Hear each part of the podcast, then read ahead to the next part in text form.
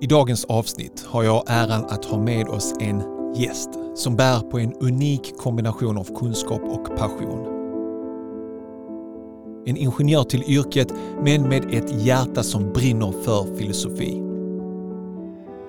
Adin Vrera studerar filosofi vid Lunds universitet.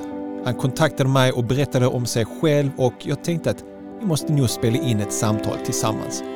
Därför satte jag mig ner tillsammans med honom i vår studio för att diskutera olika filosofiska frågor såsom den inre och yttre världen, gott och ont, sann kunskap och vetande, materialism, determinism och den fria viljan, Gud och slumpen. Ja, ämnena är oändliga. I vårt samtal nämner vi filosofer som David Hume, Nietzsche, René Descartes, Sartre, Seneca, Isaac Newton och så vidare. Salam alaikum förresten och hjärtligt välkommen till Koranpodden och till säsong 10 med temat motkraft. Jag heter Salih Tufekcioglu och detta är Koranpodden. Podcasten där vi möter och samtalar med individer som inspirerar oss och visar oss vägen framåt. Okej, nog med försnack. Nu ska du få lyssna på mitt samtal tillsammans med Adin Vrera, en filosofistudent och sanningssökare.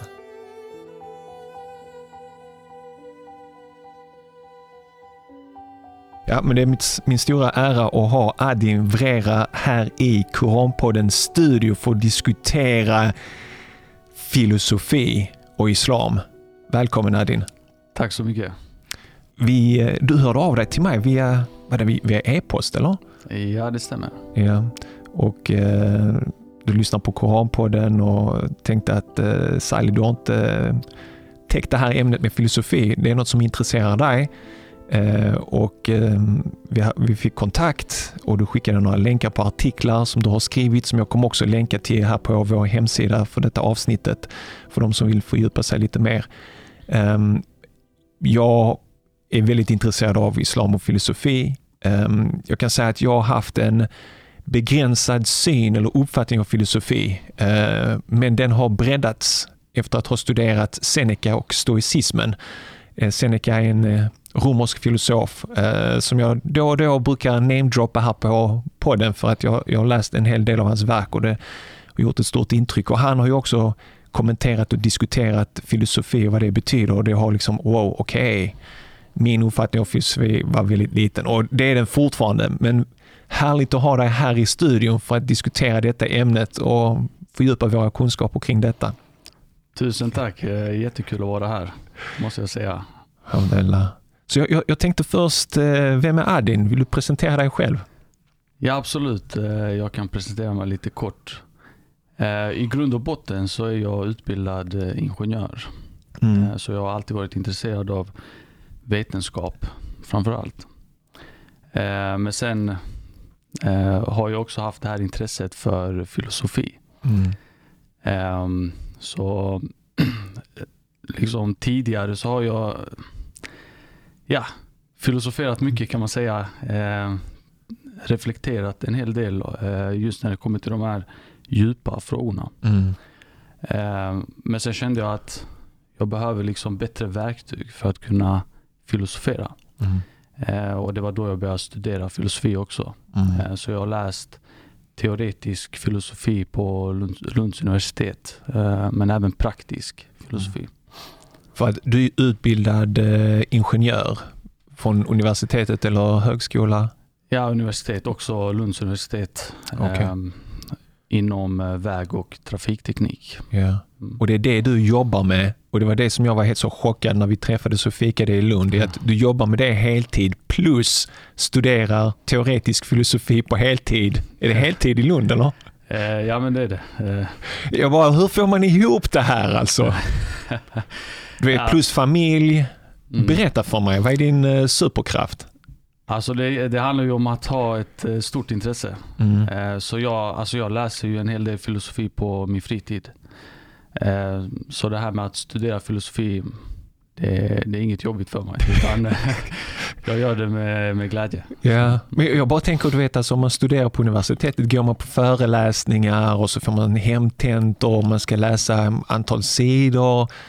Eh, och du är fullt upptagen med liksom jobbet. Hur, ja. hur får du ihop de två grejerna?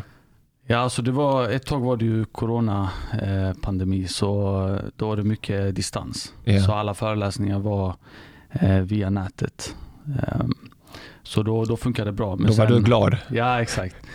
Eh, så då kunde man liksom sitta på kvällen och kolla på föreläsningar som, som var förinspelade. Mm. Um, och nu när restriktionerna har lyfts och där är föreläsningar mitt på dagen, förmiddagen och... Då får man ta in på ett annat sätt. ja. Grymt, mm. grymt. Så hur, är det ett program eller är det bara enskilda kurser du läser? Alltså det är ju program eh, med flera kurser. Eh, så exempelvis eh, när jag läste teoretisk filosofi så var det fem kurser inbakade i det programmet. Mm. Så, men du läser fortfarande programmet eller du har avslutat det? Jag har avslutat det ja. Så du, du är klar med teoretisk filosofi vid ja. Lunds universitet? Ja, så men, det, men det är bara ett halvår så att säga. Så okay. det är 30 eh, okay. högskolepoäng. Och vad, vad, läser du nu då? Eh, just nu är det praktisk filosofi. Okay. Så det, det, handlar lite mer om eh, moralfilosofi och, och sådana saker. Ja. Hur, hur, hur är det att studera de här programmen vid Lunds universitet? Är det något du skulle rekommendera? Vad har du för tips liksom, och tankar kring? Alltså mitt eh, generella tips när det kommer till filosofi, är man, är man ute efter eh, absolut sanning, mm. är man ute efter sanning med stort S, mm. eh, då måste man fördjupa sina kunskaper inom filosofi. Mm. Um, så, och det är också någonting som eh, eh, jag har valt att liksom satsa på. För jag, är ju intresserad av de här eh, frågorna Eh, vad är kunskap för något? Vad är sanning för något? Kan, vi upp, kan vi uppnå sanning? Mm. Vad finns det för olika typer av kunskap? Ehm, så det är också bland annat därför som jag kontaktade dig. För jag kände att det finns ett tomrum här som behöver fyllas. Definitivt, mm. definitivt. Så um, hur, hur väcktes, var, var kommer intresset för filosofi? Eh, alltså, vi alla filosoferar mm. kan man säga. Eh, och eh, alltså, sen jag kan minnas så har jag reflekterat mycket över de här stora frågorna. Eh, och eh, religion är ju ett, ett bra sätt. Eh, och det var där jag började med religion. Fick svar på väldigt mycket. Eh, men eh, vi lever ju i ett informationsrikt samhälle eh, och vi får information från olika håll och kanter. Och jag kände väl någonstans att jag behöver ett bra verktyg för att kunna sålla bort dålig information ta, ta, ta, och ta in liksom bra, bra kunskaper och så vidare. Och, och där kände jag att filosofin hade svar på det. Mm. Eh, och sen får man inte glömma att eh, man brukar ju säga att filosofin är moden till all kunskap. Mm. Så allting kommer från filosofin. Eh, idag har vi ju exempelvis vetenskap eller psykologi. En gång i tiden så eh, fanns allt det inbakat i filosofin. Mm. Eh, så de här olika vetenskapsgrenarna är liksom, har växt ut ur filosofin kan man säga? Absolut, så är det. Eh, men det har blivit liksom en lång distans idag från vetenskap och filosofi. Mm. Man har liksom klippt den navelsträngen. Mm. Men det finns fortfarande kvar, för man läser liksom vetenskapsfilosofi till exempel. Jag undervisar i samhällskunskap och ja. där finns också eh, där man diskuterar vetenskapsfilosofi. Men det är så lite och, begränsat, men så viktig, för det är liksom hur man ser och betraktar verkligheten och mm, om det finns en verklighet eller inte. Det är många intressanta frågeställningar. Ja, men exakt. exakt. Ehm, så just när det kommer till eh, kunskap då, Um, det finns ju olika typer av kunskap. Mm. Um, och um, om någon där ute nu vill satsa på filosofin så är det en sak man bör eh, tänka på som är oerhört viktig när det kommer till filosofi. Och det är ju att filosofer genom åren har delat upp verkligheten i två världar. Mm. Den yttre världen och den inre världen. Så kunskap om den yttre världen, eh, även kallad empirism, eh, beskriver allt det som vi kan uppfatta med våra sinnen. Mm. Så exempelvis allt vi kan se, höra, ta på och så vidare. Sen har vi den inre världen. Eh, och eh, det är liksom eh, eh, det kan exempelvis vara våra tankar. Eh, det är någonting som kommer inifrån. Det är ingenting vi kan se eller höra. Eller våra känslor. Eh, själen är ju ett exempel på någonting som kommer från den inre världen. Mm. Och det har ju liksom delat upp filosofer i två olika lager, äh, läger. Mm. Så vi har ju filosofer som har sin utgångspunkt från den inre världen och de kallas för rationalister. Mm. Så där har vi Platon, René Descartes och så vidare. Mm. Sen har vi de som har sin utgångspunkt från den yttre världen.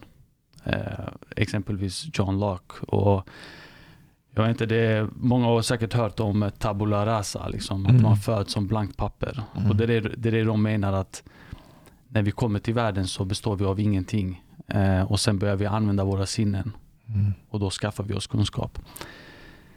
Eh, så det, det är liksom någonting eh, som underlättar eh, när man pratar om kunskap och hur man kan skaffa sig Mm. kunskap. Alltså oftast när jag läser sådana du vet, kategorier så börjar jag tänka så, okej vilket läger tillhör jag? Eller vilket läger är det bästa lägret? Och Mm. var ska jag platsa in så att säga? Mm. Hur tänker du kring de här två lägren? Ja, eh, alltså jag tänker för mig det är ganska enkelt för eh, Mm.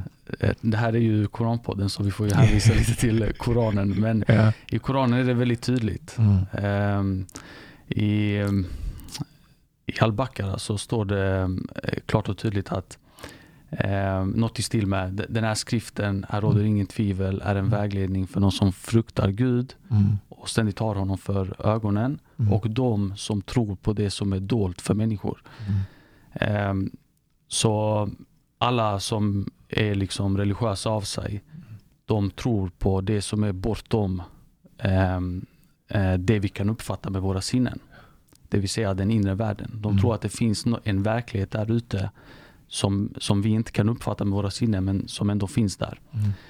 Eh, och, alltså det är ju ganska enkelt att bevisa att så är fallet. Jag menar en sak som matematiken. Mm. Det är inte så att vi har rest eh, till en oupptäckt kontinent och funnit matematiken utan det kommer från vårt rationella tänkande. Ja. Det, det är någonting som är dolt för oss. Liksom vi, vi kan ju säga liksom där har vi ett träd, där har vi ett till träd, ett plus ett är två. Mm. Men det är någonting som sker inne, precis. inom oss. Liksom. Mm.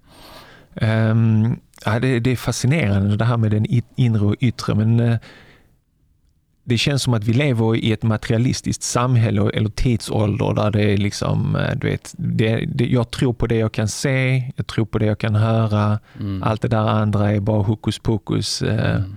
Hur, hur, bemöter, hur bemöter du de filosofer som är väldigt så materialistiska, eller de argumenten? För, du var inne på det lite grann, men Mm. finns det andra? Ja men absolut. Eh, Alltså om man, om man läser om de här olika filosoferna eh, så har majoriteten av dem kommit fram till typ samma sak. Mm. Eh, och då, då kanske, det är kanske läge att introducera Imam Al-Ghazali som Ja. är muslimsk eh, tänkare. Mm. Eh, och han pratar ju om en typ av kunskap som finns i människans inre. Det är liksom någonting vi, vi har inbyggt i oss och alla människor har det. Och det är bland annat därför vi kan prata om just Gud Mm. trots att ingen har upplevt Gud Ja, med sina sinnen. Mm. Eh, enligt, Så många civilisationer som har uppfattning om Gud eller tror på Gud, alltså majoriteten mm, av mänskligheten har alltid trott på en högre makt. precis. Eh, och eh, den här kunskapen är väldigt speciell för det är väldigt svårt att förneka den. Mm. Ehm, Så enligt vår tradition så pratar man om fitra. Ehm, Precis, vad jag tänkte på också. Ja, ja exakt. Ehm, Alltså att människan är egentligen inte kanske helt oskrivet blad, utan fitra är då, vill du be- berätta lite? ja, eh, det finns ju liksom flera definitioner men en definition är kunskap om Gud. Mm. Eh, och det är precis som du säger, vi föds inte som oskrivna blad utan när ett, när ett barn kommer till världen Mm. Så befinner den sig i tillståndet av fitra. Precis. Det vill säga barnet är fullt medveten om Mm. Guds existens. Mm. Så det är egentligen det, det, det enda barnet är, det är bara att det är medvetet om Mm. eh, eh, Guds existens. Och eh, det här är någonting för Imam Al-Ghazali han, han älskar ju metaforer och liknelser. Så han, han hade en väldigt bra liknelse bara för att förklara vad, det här, vad fittra är för något. Eh, och då sa han att det är som en brunn. Eh, och längst ner djupt i brunnen finns det kallt rent vatten. Mm. Och det här kalla rena vattnet representerar fitra. Eh, men sen det här barnet då som växer upp och börjar använda sina sinnen och kanske titta på saker den inte bör titta på. Mm. Den eh, blir mer självständig också. Upplever illusionen av makt och kontroll. så, eh, Ja, jag tänker, ja så är det. Alltså människan, för, för, mm, förlåt att jag avbröt här, men du vet, det är så intressant när Koranen beskriver människan är att eh, den beskriver du var bara en sädesdroppe och så vidare du, och sen så kommer du bara dö och du kommer bara bli Mm. till jord. Men under tiden när man blir liksom, kommer i medelåldern och sådär, man tror att man är självständig, man, man har makt, man kan kontrollera allting. Ja, precis. Och det är därför jag brukar säga liksom illusionen av makt och Mm. kontroll. För, det, för det som utvecklas efter ett tag, eh, det är något som kallas för eh, nafs. Eh, Ja. Och det är egot. Mm. Så ba- barnet blir medvetet om, om sig själv. Så den börjar liksom använda termer som det här är min leksak eller det där, jag vill ha glass och så vidare. Ja, eller tycker sig vara orättvist behandlad. Ja, precis. Och, och det här egot tar mer och mer över Mm. eh, fitran. Eh, så den här brunnen med det kalla vattnet eh, fylls istället med smutsig jord. Mm. Eh, och sen eh, det här egot, liksom, det, ju äldre barnet blir desto mer och mer tar det över eh, fitran. Eh, och sen till slut är ju den här brunnen full med smutsig jord. Mm. Och då menar Imam Al-Ghazali att eh, människan spenderar hela livet för att återfinna fitran. Ja. Komma tillbaka till det stadiet. Mm. Och, då, och det gör man liksom genom att vara en god människa, ehm, ja, vara disciplinerad och inte liksom falla för sinnliga lockelser och så Mm. vidare. För jag, jag, jag tänker det där med eh, eh, barnet. Det, Mm. det är många som man, eller i olika samtal, intervjuer på tv och i böcker man har läst, så människor som har uttryckt liksom att när de var små så hade de en stark tro på Gud.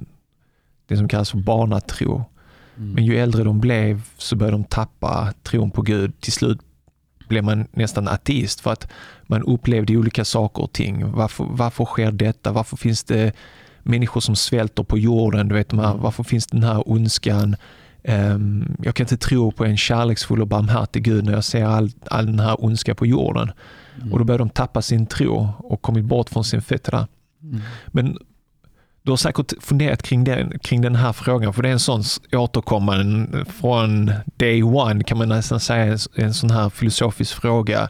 Om Gud är så kärleksfull och, och så här, Mm. hur kan vi då förklara den ondska som finns? Är det en fråga du har funderat kring? Ja, absolut. Eh, och det är bland annat eh, för sådana frågor som jag har liksom fördjupat mig inom Mm. filosofin. Eh, just den frågan är väldigt intressant för, Förlåt, det heter teodicéproblemet va? ja precis, Mm. eh, och det är, en, det är en gammal fråga som eh, de ställde sig även i antika Grekland. Mm. Eh, men det finns ju flera filosofer såsom David Hume och eh, Nietzsche som eh, pratar just om de här frågorna. Eh, så David Hume han, han eh, pratar ju om att man kan inte säga att någonting bör vara på ett visst sätt om man, om man inte tror på Gud. Mm. Så vi kan inte säga, om vi ser en ondskefull handling, kan vi inte säga att ah, det där känns fel. Det bör vara på det här sättet. Mm. För så, så fort vi gör det så bevisar vi att Gud existerar. Eh, och sen Nietzsche, han, han pratar ju om moral. Mm. Moral är någonting som kommer från Gud. Eh, så om vi identifierar en ondskefull handling, då har vi direkt bekräftat att Gud existerar. Mm. För i en värld där Gud inte existerar, där finns ingen moral, det finns inget rätt eller fel, utan alla handlar hur de vill. Då är Mm. det liksom eh, djurens lagar som gäller. Den starkaste är den bästa. Så, så Nietzsche pratar mycket om det här att man ska vara en eh, eh, supermänniska. Liksom. Ja. Man ska vara stark och så vidare. Det var det Eh, som nazisterna tog över sen och totalt förvred hans Ja, filosofi, eller? ja men verkligen. Det finns ju teorier om att Hitler fann stor inspiration Mm. hos Nietzsche. Mm. Men tanken är där, tror du att han tolkade Nietzsche rätt eller tror du han vantolkade Nietzsche? För, för Nietzsche pratade om att Gud är död. Mm. Och då är det liksom som muslim eller troende, Åh, hur kan han säga en sån, Mm. sån grej som Gud är död? Men vad han var inne på och som han kunde se, Mm. det var ju att religionen började tappa sin roll och position, speciellt i västvärlden, med materialismen och så vidare. Mm. Och kom, kunde se in i framtiden att, som du säger, att moralläran måste komma utanför människan. För om den är inom människan så kommer den, några vissa människor definiera vad som är moral och den kommer förflytta sig och ändra på sig utifrån människors önskemål och så vidare. Men om moralläran är utanför, liksom från Gud, ehm, då kan den vara liksom samma konstant. Eh, och om Gud är död, ja då bör alla tolka själva och alla säger vad som är rätt och fel. Vem, vem, vem kan hävda vad som är rätt och fel? Det är din egen uppfattning i slutändan. hej. Vad är dina reflektioner? Bara sitter och spejsar här. Men... Ja men precis. Alltså jag tror det går åt båda hållen. Alltså vi Mm. har ju den här fittran som vi varit inne på. Mm, Eh, ibland kan man känna liksom, få en, eh, en magkänsla Precis. över att någonting är fel. mm, Så det, det, det är något som kommer inifrån också. Men eh, det kommer utifrån också. Mm. Eh, med alla religiösa eh, skrifter och så vidare. Eh, jag menar, eh, Koranen består ju av lagar. Det mm, finns ju många lagar där. Eh, och många eh, lagböcker baseras ju på ehm, religiösa skrifter. mm. Ja, det, det sträcker sig tillbaka till, alltså man tittar på den abrahamitiska traditionen, liksom Ja. från Moses, han kom med lagar, Ja. Jesus som försökte uppfylla lagens anda, liksom, få Ja. människorna tillbaka till det, för de hade helt spårat ut. De bara liksom bokstavligen tolkade eh, och glömde anden bakom lagen. Mm. Så ja, människan kan styras av sin inre, inre magkänsla, samvete och så, men det Mm. behövs också lagar. Ja, definitivt. Eh, och det Nietzsche var inne på, alltså han förespådde ju framtiden. Mm, Eh, att folk kommer leva mer och mer som om Gud inte finns. precis. Eh, och han hade ju rätt på sätt och vis. Mm. Eh, eh, men faktum är att... Men han flippade också ut. Alltså varför flippar så många filosofer ut i slutändan? ja, det är en bra fråga. Är, För jag läste en bok om Mm. honom. Va? Han gick och promenerade själv och filosoferade och liksom till slut Ja. bara knäcktes han. Liksom, blev nästan galen. Ja, Ehm, ja det, det finns ju en risk för det kan man ju lugnt säga. Men, eh, alltså jag tror att eh, så länge man har en, eh, en grund i religion. Mm. För det är, kanske, det, det är nog svårt att börja med filosofin. För man kan hamna väldigt fel. Ehm, Men om man har en, eh, en bas i religion och sen använder man filosofin som ett verktyg för att förstå sig på både religion och andra saker Mm. eh, bättre så, så tycker jag det är positivt att det är bra. Mm. Eh, Finns det några andra liksom, filosofiska frågor som, som har eh, väckt ditt intresse som du har funderat mycket kring? Ja, men eh, mycket det här med kunskap, liksom, hur man kan skaffa sig kunskap och så vidare. Mm. Och Vi var ju inne på det här med kunskap om Gud. Ehm, och och Al-Ghazali var ju en av, som, en av många filosofer som pratar just om den här typen av kunskap. Men sen har vi ju René Descartes som också var inne på det. Mm. Eh, och han hade ett väldigt intressant sätt att se på det. Eh, för han sa så här. Eh, jag kan tänka mig perfektion. Mm. Men den här tanken om perfektion kan inte komma från mig. För jag är inte perfekt. Ja. Utan den måste komma från den som är perfekt. Det vill säga Gud. Ja. Så, Var inte, var inte Platon också inne på det med idévärlden? Om cirkeln, den perfekta Jo. cirkeln. Och att den, du kan inte hitta en perfekt cirkel på jorden, men det är en, det är en idé, en tanke i idévärlden. ja men precis. Eh, det är samma koncept där. Att det Mm. finns en perfekt värld där ute. Eh, och A.k.a. paradiset kanske? Eller? Ja, eller liksom eh, Ja, eller Gud i sig liksom. F- för eh, René Descartes, alltså han var ju en, en kritiker. Mm. Alltså alla filosofer är ju kritiker. Men Mm. han gick ju väldigt långt. Så Mm. han kritiserade allting. Mm. Eh, så han ville bara han ville ta fram någonting fundamentalt som han var 100% säker på. Och sen bygga all annan kunskap på det. Och då kom han fram till, till följande. Det enda jag är säker på är min existens och Guds existens. Mm. Så, så det var det jag var inne på tidigare. Liksom. Den här idén om perfektion eller idén om allsmäktighet Mm. Kan inte ha kommit från mig för jag är inte allsmäktig. Precis. Eh, så det här, han pratar ju om fitran. Det är den här Mm. Guds idé som är implanterad inom oss alla. Eh, sen Sartre som för övrigt, han var ju ateist. Eh, men han sa något väldigt intressant. Han sa att eh, varje människa bär på ett tomrum reserverat för Gud. Mm. Även om man var ateist? Även om han var ateist. Så han identifierade det här också. Ja. Eh, och det var väldigt fint, alltså det var, han sammanfattade väldigt bra. Mm. Eh, och den här, eh, det här tomrummet, alltså man kan ju fylla det med allt möjligt. Med karriär, pengar. Exakt, ja. Eh, men det är reserverat för Gud. Vi, vi Mm. har liksom, det är någonting inom oss eh, som strävar efter eh, eh, någon typ av dyrkan och så Mm. vidare. För om man läser om klassiska lärda så menar de på att, och det finns också Koranens eh, referenser till detta, att Gud skapade alla människor innan man kom till jorden och man fick vittna inför Gud att han är vår Herre. Mm. Och sen har människorna liksom kommit in i jorden. Och, så att en gång i tiden, före existensen här på jorden, så har alla människor vittnat inför Gud att han är Herren. Och sen kommer man hit på jorden och har den där fetran och sen så kommer ju olika prövningar, utmaningar, egot växer sig stark och så börjar man glömma bort det där. Mm. Ehm, jag, jag nämnde det där med Seneca, stoicismen. Ehm, är det någonting som man studerar på universitetet? Stoikerna? Eh, ja, jag tror vi, ja, vi har haft lite om det också. Vad är dina reflektioner om stoicismen? Och, Ja, just det har jag, har jag inte faktiskt Gått in på eh, så- gått in på så mycket. nej.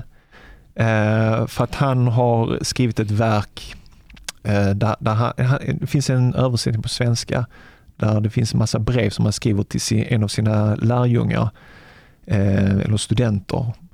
Eh, och, och han säger väldigt intressanta saker. Eh, jag tänkte höra vad, vad du tänker på när du får höra de här citaten av eh, Seneca. Jag ska bara se, jag har flera citat här. Eh, men jag tar kanske ehm, vi kan ta den här. Eh, han säger så här på sidan 97 till 98.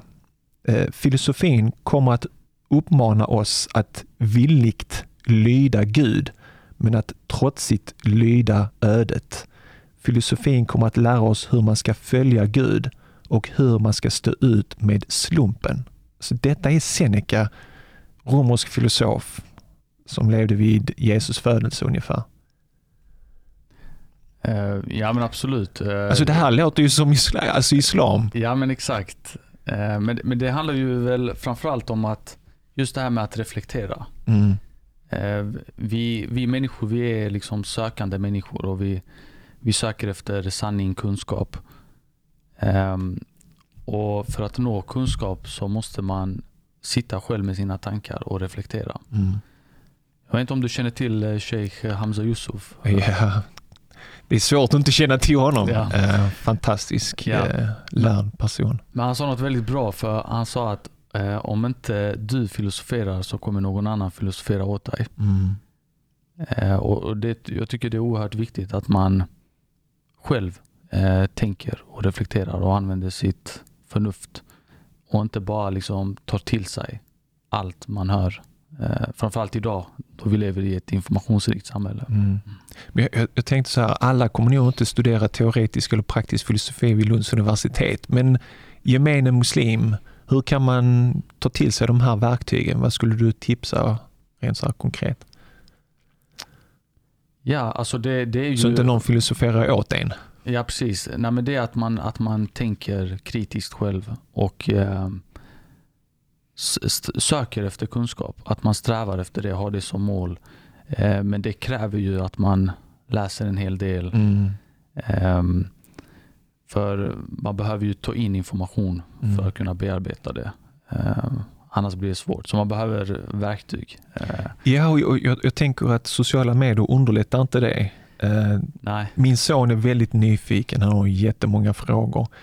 Men jag har märkt att han, han får mycket av sin kunskap via Youtube och sociala medier. Mm. Och då finns det logaritmer som pushar information till honom så att Mm. han hamnar i ett visst ämnesområde som Mm. kanske inte är det viktigaste i tron. Men han kanske har likat eller miljontals andra människor där ute i hans ålder har likat detta så Youtube eller någon här säger det här är någonting intressant för dig. Du borde se fler sådana här videos. Och då pumpar de en massa. Så när, i mitt samtal med honom så märker jag att han det, det blir sidoämnen och det blir snuttifierat och så. Så jag sa till honom, Halim om du vill veta om religion, då måste du tillbaka till böckerna. Mm. Jag tar den här, det här är volym 1 av 3 med kommentar om Imam An-Nawawi som summerar hela eh, islam. Det finns den här 40 hadith, samling av Imam An-Nawawi. Där, där det är en lärd som har tittat på hela religionen och bara liksom, okej, okay, det här är de 40 uttalanden av profeten av honom var Guds frid som summerar hela religionen. Det här är det viktigaste. Och här är kommentarer kring detta. Här har du volym 1, du vet så, volym 1 är typ så 500 sidor eller vad det är. Börja med den här boken. Ja. För, för, för att hålla på och hoppa på sådana, du vet, TikTok-videos där det är en imam som säger någonting på 10 sekunder och, och nästa videoklipp är någon popstjärna som gör någonting och så nästa videoklipp är, du vet det är som så här Pepsi eller Coca-Cola för hjärnan, alltså, förstår du Ja, vad jag menar? Det är bara ja. så här dopaminkick. Så, så kan man inte ta till sig religion. Så jag, jag är väldigt eh, orolig för den nya generationen som växer upp med de här verktygen och ska få lära sig sin religion genom det. Och, och färre och färre läser böcker, svårare att hålla fokus, svårare att ta sig Mm. igenom tjocka böcker. Vad är dina tankar kring detta? Ja, men du, du är inne på rätt spår. För ehm, det är ju lätt att ta till sig eh, korta videoklipp. Man behöver inte anstränga sig så mycket. Eh, men att läsa en eh, tjock bok, det kräver mycket tålamod Mm. och, och man måste liksom vara aktiv hela tiden. Ehm, men det jag har märkt är att när man väl har gått igenom det några gånger, då kommer man finna skönheten i böcker. Mm. Och den skönheten är mycket mer tillfredsställande än de här klippen på Eller? Youtube. Ja, Så är det verkligen. ja. För, det, Eh, för har du bara druckit Pepsi och Coca-Cola Mm. och aldrig smakat du vet, eh, nypressad apelsinjuice, förstår du vad jag menar? Exakt, Så, så vet du inte skillnaden. Ehm, precis. Så, ehm, och, det som jag tänker är att du har en lärd som har funderat, reflekterat, studerat liksom, istället för att låta logaritmer, AI, liksom styra vad som är viktigt och inte viktigt. Mm. Men om vi går tillbaka till det här med eh, tron på Gud och Seneca här med, med filosofin, liksom att följa Gud, tro på Gud. Ehm, det intressanta är också du vet, det här med stoicismen, är ju väldigt populärt bland i USA, liksom, bland poddare som fokuserar på det här med att vara produktiv, självdisciplinerad. Så de plockar jättemycket från stoicismen. Och man får höra de mest fantastiska citaten från Seneca. Men man får aldrig höra de där citaten där han pratar om Gud. Mm. För vad man gör är att man som, som man brukar kalla whitewashing, liksom, att man Mm. tvättar rent det från saker och ting. Till exempel ta mindfulness som har sin grund i buddhismen. Vad har man gjort? Man har plockat ut en viss sak från buddhismen, sen har man liksom bara rengjort det från buddhismen. Så bara, det här är mindfulness. Mm. Och det är samma sak som jag känner att jag upplever med stoicismen, är att man, man tar ut godbitarna av stoicismen, man plock- plockar bort det som kan vara uppfattas kontroversiellt. Ah, tro på Gud, följa Gud, ah, det här kommer inte passa den västerländska eh, publiken. Så, och därför är det så viktigt att man som muslim går till originalkällorna och själv studerar för att helt plötsligt upptäcker du att wow, Seneca trodde på Gud. Mm. Seneca vill att man ska lyda Gud. Vad är de här bitarna bland alla youtubers som sitter och diskuterar stoicismen och lärdomarna kring det? För att det kanske var en viktig central del i Senecas liksom, idévärld Mm. med tron på Gud. Har du, har du sett någon sån form av eh, whitewashing inom filosofin också, där man kanske pratar om vissa filosofer, och man undviker liksom lyfta upp de här tron på själen eller på Gud eller så här. Ja men absolut. Eh, Alltså, om vi bara tar en, eh, en vetenskapsman som Isaac Newton. Liksom, han har Ja. ju satt grunden för all vetenskap. Ehm, och han kommenterar ju Bibeln. Så han Ja. var ju troende. Ehm, Och det är det man aldrig får höra. Eller hur? Alltså just det här med mörka medeltiden Mm. och så har man upplysningstiden då. Liksom. Vetenskapen tar över, det, det är krig mellan vetenskapsmän och katolska kyrkan. Och så misstar man att de var emot religionen rakt av. Mm. Ja, precis. Eh, Men alltså, när jag, när jag studerade de här stora tänkarna, eh, de flesta var religiösa. Mm. Det är inte så många som inte tror på Gud. Mm. Eh, Så jag har en helt annan uppfattning. Men innan jag började stu- studera filosofi, då var det mer att mm, eh, alla filosofer tror inte på Gud. Man hade mer den Ja, uppfattningen. ja, ja, den som, som jag också är uppväxt med. Jag vet inte var man får den tanken. Var kommer den ifrån? Ja, alltså jag tror att eh, det var någonstans, någonstans där i början på 1900-talet som eh, man tog ett steg från allt det här metafysiska. Eh, det som vi inte kan uppfatta med våra sinnen. Mm.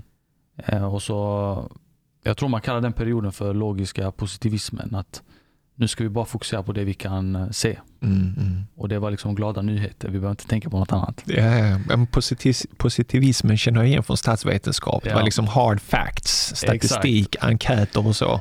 Och det, det, är liksom, det, det är ju en liten tårtbit av filosofin. Mm. Man valde att fokusera på den och så slängde man allt annat i sjön.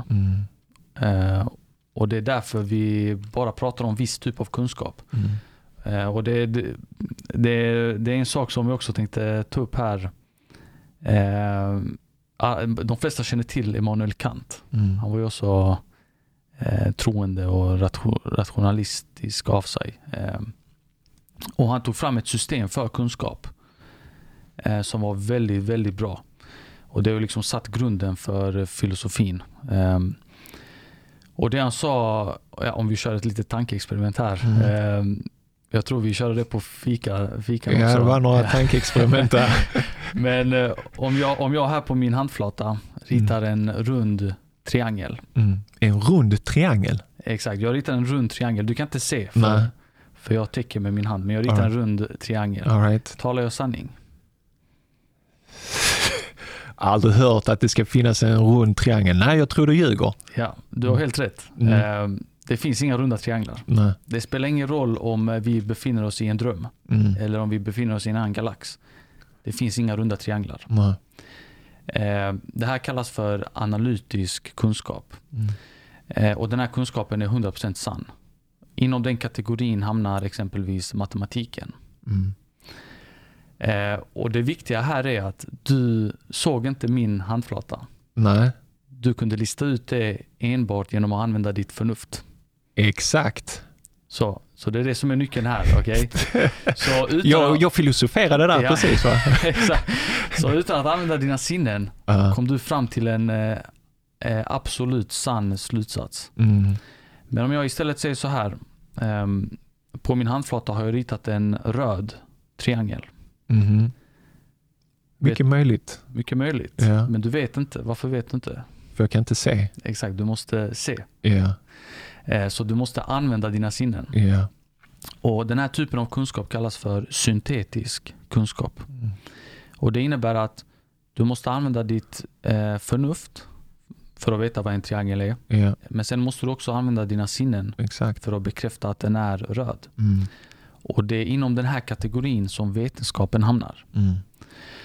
Ehm, Så när det kommer till vetenskap eh, så har många den allmänna uppfattningen att det är säker kunskap. Precis. Eh, Men så är inte fallet. Vetenskap är en tro. Mm. Eh, Och det, vetenskapen går ut på att vi, vi går ut i naturen och vi observerar naturen. Vi kollar på stjärnhimlen, vi kollar på växter och så vidare.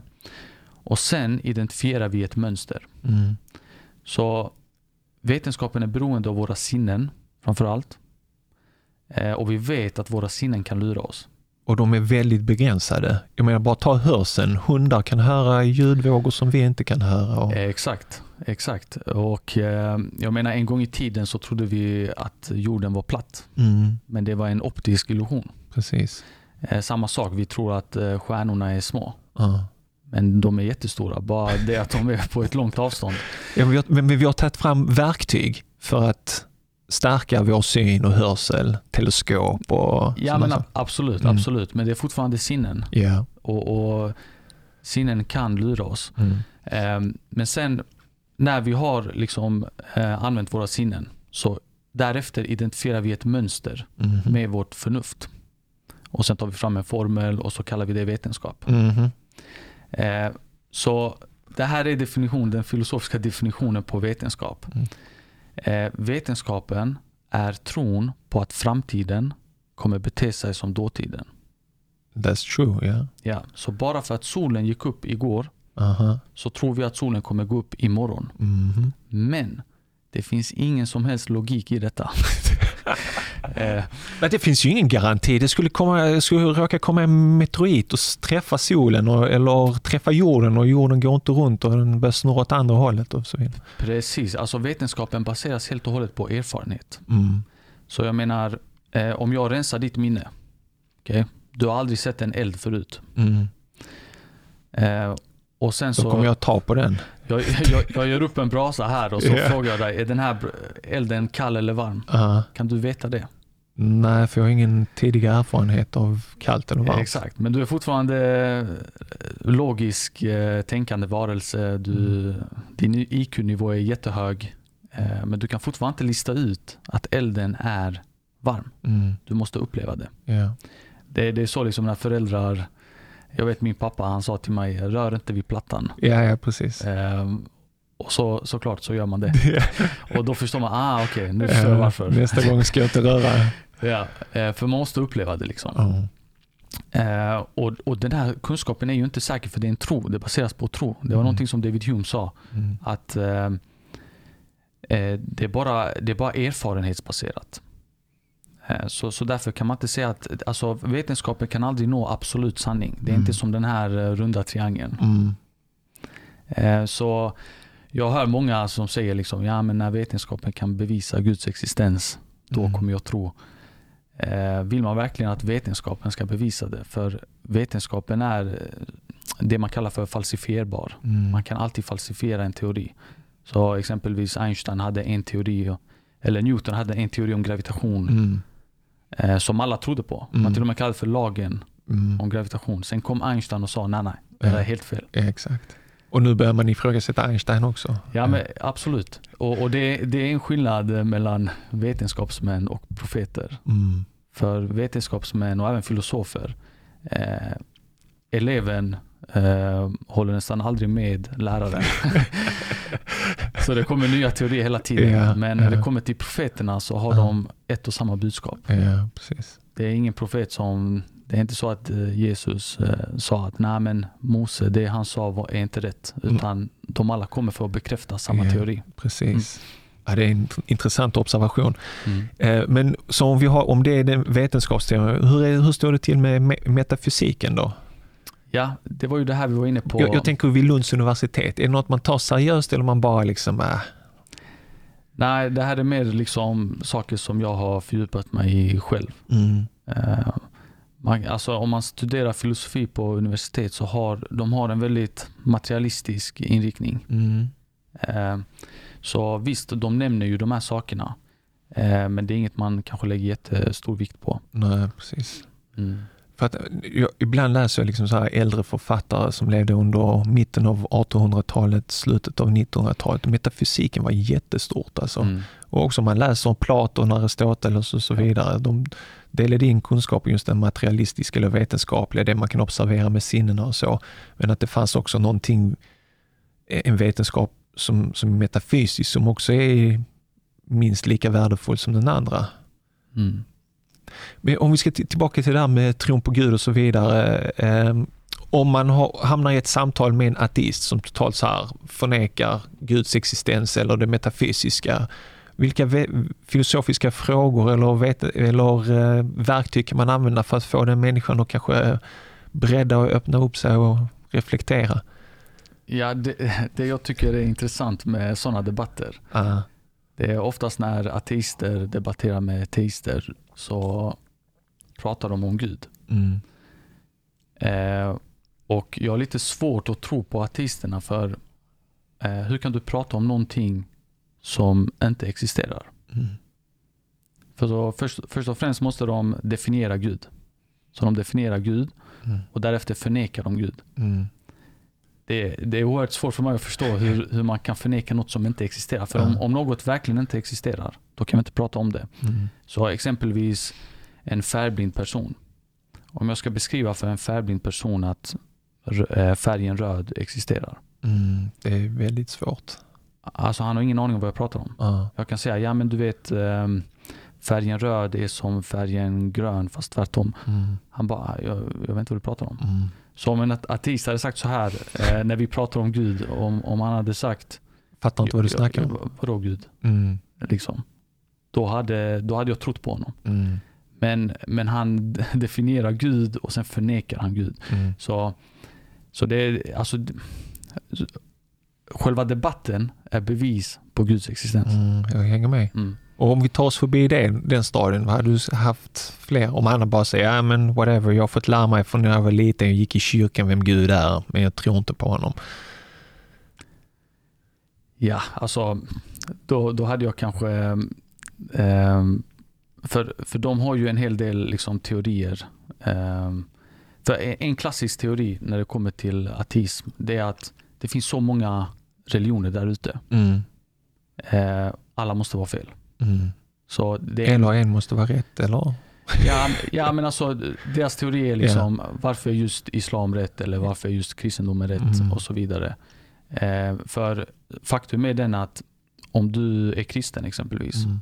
då förnekar du alla religioner förutom kristendomen. Ja. Så ateisten bara förnekar en religion till. Mm. Så.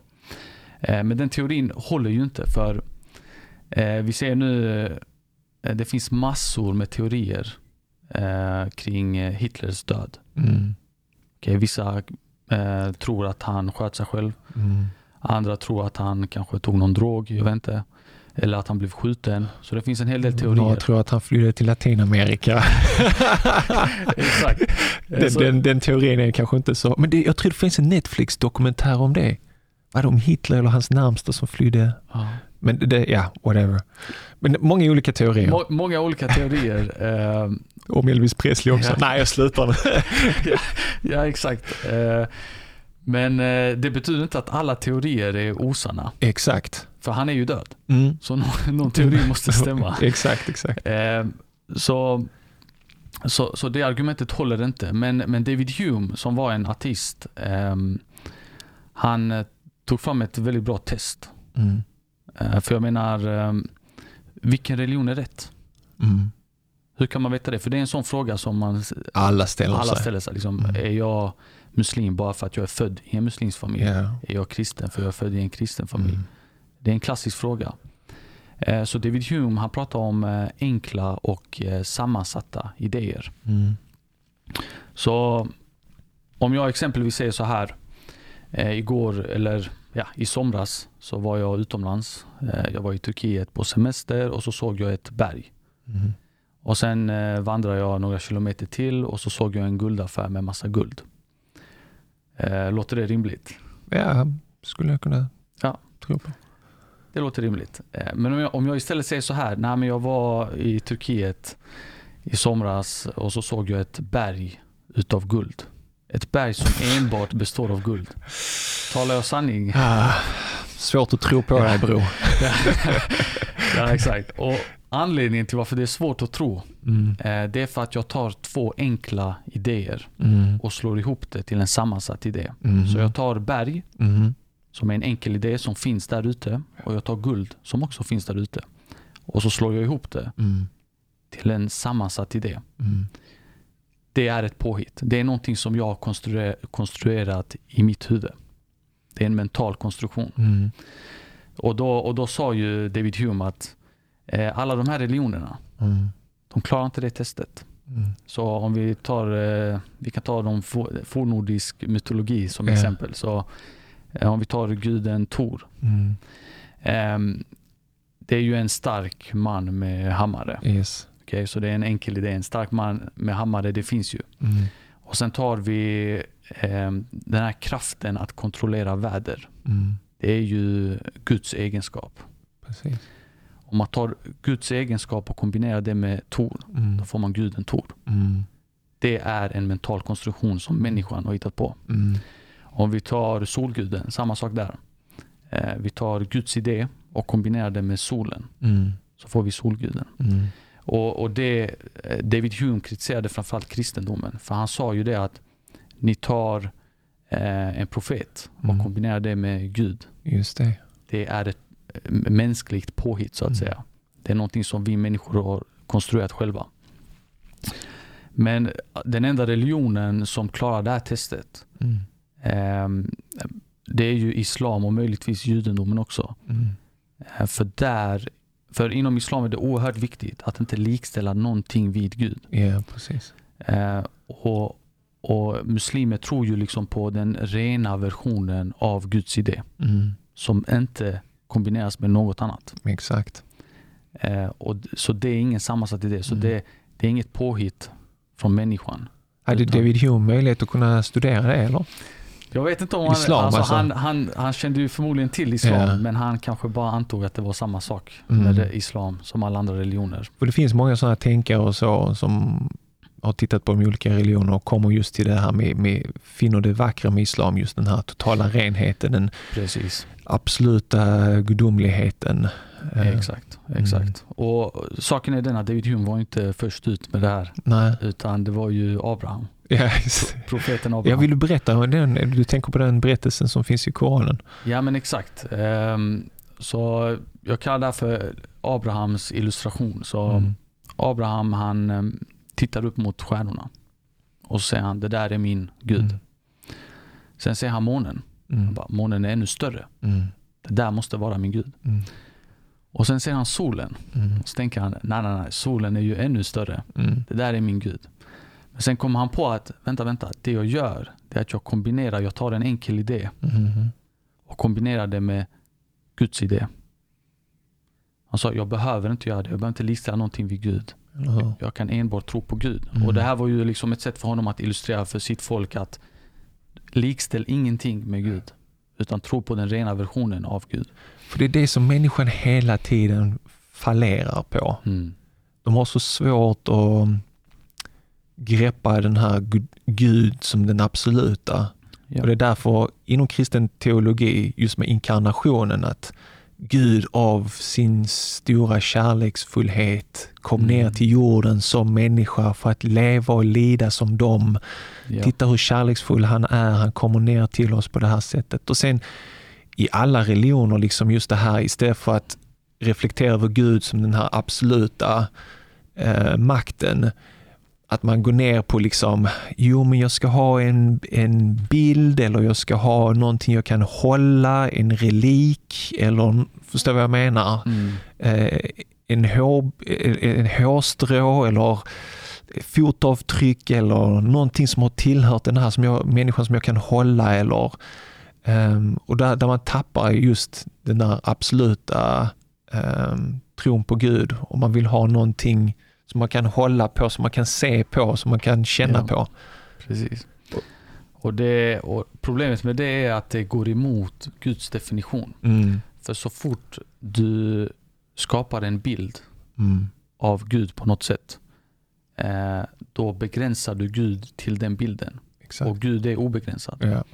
Så du kan inte göra det. Mm. För det, det går emot, det blir liksom en motsägelse. Eh, så, så fort man finner sådana här motsägelser, då, då blir man lite skeptisk till religionen. Mm. Och jag, menar, jag har träffat många som, som inte tror på Gud eller de söker Gud och de, i samtal med dem så säger man men jag tror på Gud. Och så säger de så här, alltså jag har svårt att tro på någon gubbe där uppe i molnen. Och, alltså, jag trodde det var bara en sån tecknad serieuppfattning av Gud, men jag har träffat så många vuxna personer, seriösa, duktiga på alla möjliga sätt. Men när man pratar om Gud så har jag en uppfattning av Gud som så absolut, vet så. Och, Mm. och de har den här Simpsons uppfattning om en skäggig Ja. gubbe som är uppe på molnet och jag vet inte hur den bilden har blivit så liksom befäst på något sätt. Det känns så främmande för mig. Bara, Nej, det där är inte Gud. Det där är liksom en Mm. tecknad seriegrej. Hur, hur kan du ha fått en sån uppfattning om Gud? Gud är mycket större än så. Det går inte. Mm. Ja, det, det är en intressant fråga varför Ja. människan behöver eh, någonting mellan Gud och en själv. Något Ja. medel för att... ehm, och det, ja, det är en intressant fråga. Det Och det är det som jag tycker är vackert med, med islam, är att du kan ha relation till Gud direkt. är exakt. Och du, du behöver inte vara en munk eller en präst som är extra nära Gud för att du gör extra böner. Och det är det som fascinerat mig när jag har studerat olika religioner, att det finns liksom vanligt folk och så finns det en speciell klass av munkar, präster Mm. som utför speciell tillbedjan som gör att de kommer Gud närmare. Men när man tittar på muslimer, de lagar och regler som gäller för en imam, de lagar och regler gäller för en muslimsk bonde också. Ja. Alltså samma lagar gäller för om du är imam i Mecka eller om du är en bonde i Indonesien. Liksom. finns Mm. ingen sån distinktion och eh, bonden i Indonesien kan vara närmare Gud än bönledaren i Mecka. Liksom. Mm. Och det, det är en sån fascination, någonting som jag tycker är så väldigt vackert med islam, att jag behöver inte ha någon människa mellan mig och Gud. Men när man tittar på folktro, liksom, hänger du med? Det finns den här fällan man kan hamna i. Jag ska ha någon som kan visa mig vägen. Det kanske börjar så, du vet. Och sen så, Mm. ja men den, om jag ber till Gud, jag är ju jättesyndig, och, men Gud lyssnar mer på någon som står här närmare. Så, ehm, så det är så lätt att halka in i det där, eh, känner jag. Ja men verkligen. Och det var ju det Sartre var inne på, liksom, att vi, vi har det här tomrummet som är reserverat för Gud. Ja. Eh, men vi fyller det med andra saker. Mm. Eh, och det, det är väl det som kanske är poängen, att man ska försöka hitta den, eh, den rena vägen till Gud. Mm. Mm. Eh, helt fantastisk eh, och lyft så viktiga frågor, givit så unika perspektiv och breddat vår syn på filosofi. Jag tänkte att vi ska så smått avrunda. Är det någonting som du känner att eh, vi har missat att prata om när det kommer till filosofi? Ah, alltså, det var en dum fråga. Det finns så mycket mer man kan prata om, men som ett inledande samtal. Så här. Eh, ja men alltså filosofi det är ju ett väldigt stort område. Mm. Eh, och eh, man kan ju fördjupa sig i väldigt mycket. Men eh, som jag var inne på tidigare, eh, vissa saker, liksom, man, man bör kanske inte gå för långt. Mm. Det finns ju en risk med att man fastnar. Eh, och eh, det finns ju en, eh, se om jag minns hans namn, men George Cantor. Han var en matematiker som försökte förstå sig på oändlighet. Just det. Så han, han räknar på oändligheten. Och, och det är väldigt, det är väldigt liksom, det är svårt att liksom Mm. tänka sig oändligheten. För jag menar om du tar oändlighet plus ett, det är Mm. fortfarande oändlighet. Ja. Eller om du tar oändlighet minus ett, det är fortfarande oändlighet. Mm. Eh, men han försökte liksom räkna på det och det, det slutade med att han hamnade i ett eh, psykhem tyvärr. Ja. Eh, så, så jag tror att ibland försöker man förstå sig på vissa saker som alltså Guds, eh, vad ska man säga, essens. Exakt. Vi kan inte begripa oss på det. Nej. Liksom att Gud alltid har funnits. Mm. Han har ingen början, inget slut. Mm. Eh, det är någonting vi kan inte, vårt intellekt kan inte begripa Mm. något sånt för vi är begränsade. Mm. Eh, så vissa saker kan, kanske man inte ska filosofera kring. Mm. Eh, men sen när det kommer till eh, strävan efter kunskap eh, så där tycker jag att filosofin är väldigt eh, behjälplig. Mm. Superbra. Viktiga, viktiga ord där. Jag tror de får vara de avslutande för det här samtalet. Tusen tack för att du kom till Koranpodden och delade dina tankar och kunskaper. Tack så mycket för att jag fick eh, komma hit. Salam. Tack för att du lyssnade på mitt samtal tillsammans med Adin Vrera och om hur filosofin hjälper oss att upptäcka Gud. Det som jag särskilt tar med mig från mitt samtal tillsammans med Adin är hans inre styrka och motivation. Att samtidigt jobba heltid som ingenjör och plugga filosofi vid sidan om. Helt otroligt starkt och inspirerande. Om du fann samtalet med Adin Vrera lika inspirerande som jag gjorde skulle jag uppskatta om du delade samtalet med andra människor eller vänner som är intresserade av filosofi. Skicka ett mejl eller ett sms med direktlänken till samtalet koranpodden.se 252. Om du älskar Koranpodden och finner den givande och lärorik och du är trött på koranbränningarna du vill istället se Koranpodden fortsätta leverera nya samtal där vi samtalar om Koranen varje vecka. Då kan du vara med och stötta Koranpodden. På Koranpodden täcker vi våra kostnader med hjälp av frivilliga donationer. Vi får inga reklamintäkter eller bidrag. Bli månadsgivare eller donera en engångssumma via vårt swishnummer som du hittar på vår hemsida koranpodden.se. Klicka på donera i menyn och Gud belönar dig rikligt för ditt stöd. Nästa vecka får du lyssna på mitt samtal tillsammans med Adnan Mahmutovic där vi samtalar om Koranen och galaxerna i universum. Här kommer ett kort smakprov från det samtalet. När man, när man känner sig lite kanske vilse i Koranen och inte riktigt äh, förstår uh, uppbyggnaden. Men hur fungerar den här strukturen? Hur ska jag läsa den? Vad är den röda tråden? Vad är den röda, röda tråden? Det finns en röd tråd som mm. är alltid där i centrum och periferin överallt. Från den första bokstaven uh, till den sista. Överallt. Missa definitivt inte nästa veckas avsnitt, mitt samtal med Adnan Mahmutovic, där vi samtalar om Koranen och galaxerna i universum. Följ oss på Facebook och Instagram där du kan följa arbetet med Koranpodden. På vårt Instagram postar vi regelbundet inlägg med inspirerande citat ur Koranen och från våra olika avsnitt. Vill du komma i kontakt med mig eller du vill tipsa om någon som du vill att jag intervjuar så gör du det alltid lättast genom att mejla mig på hej koranpodden.se. Jag läser alla mejl som kommer in och svarar på dem. Det återstår bara för mig att önska dig en härlig vecka. Tack för att just du lyssnar på Koranpodden. Vi hörs igen nästa vecka på måndag med ännu ett nytt poddavsnitt. Ta hand om dig tills dess var du nu än befinner dig i detta avlånga land. Salam alaikum wa rahmatullahi wa barakatuhu. Må Guds frid och välsignelser vara med dig.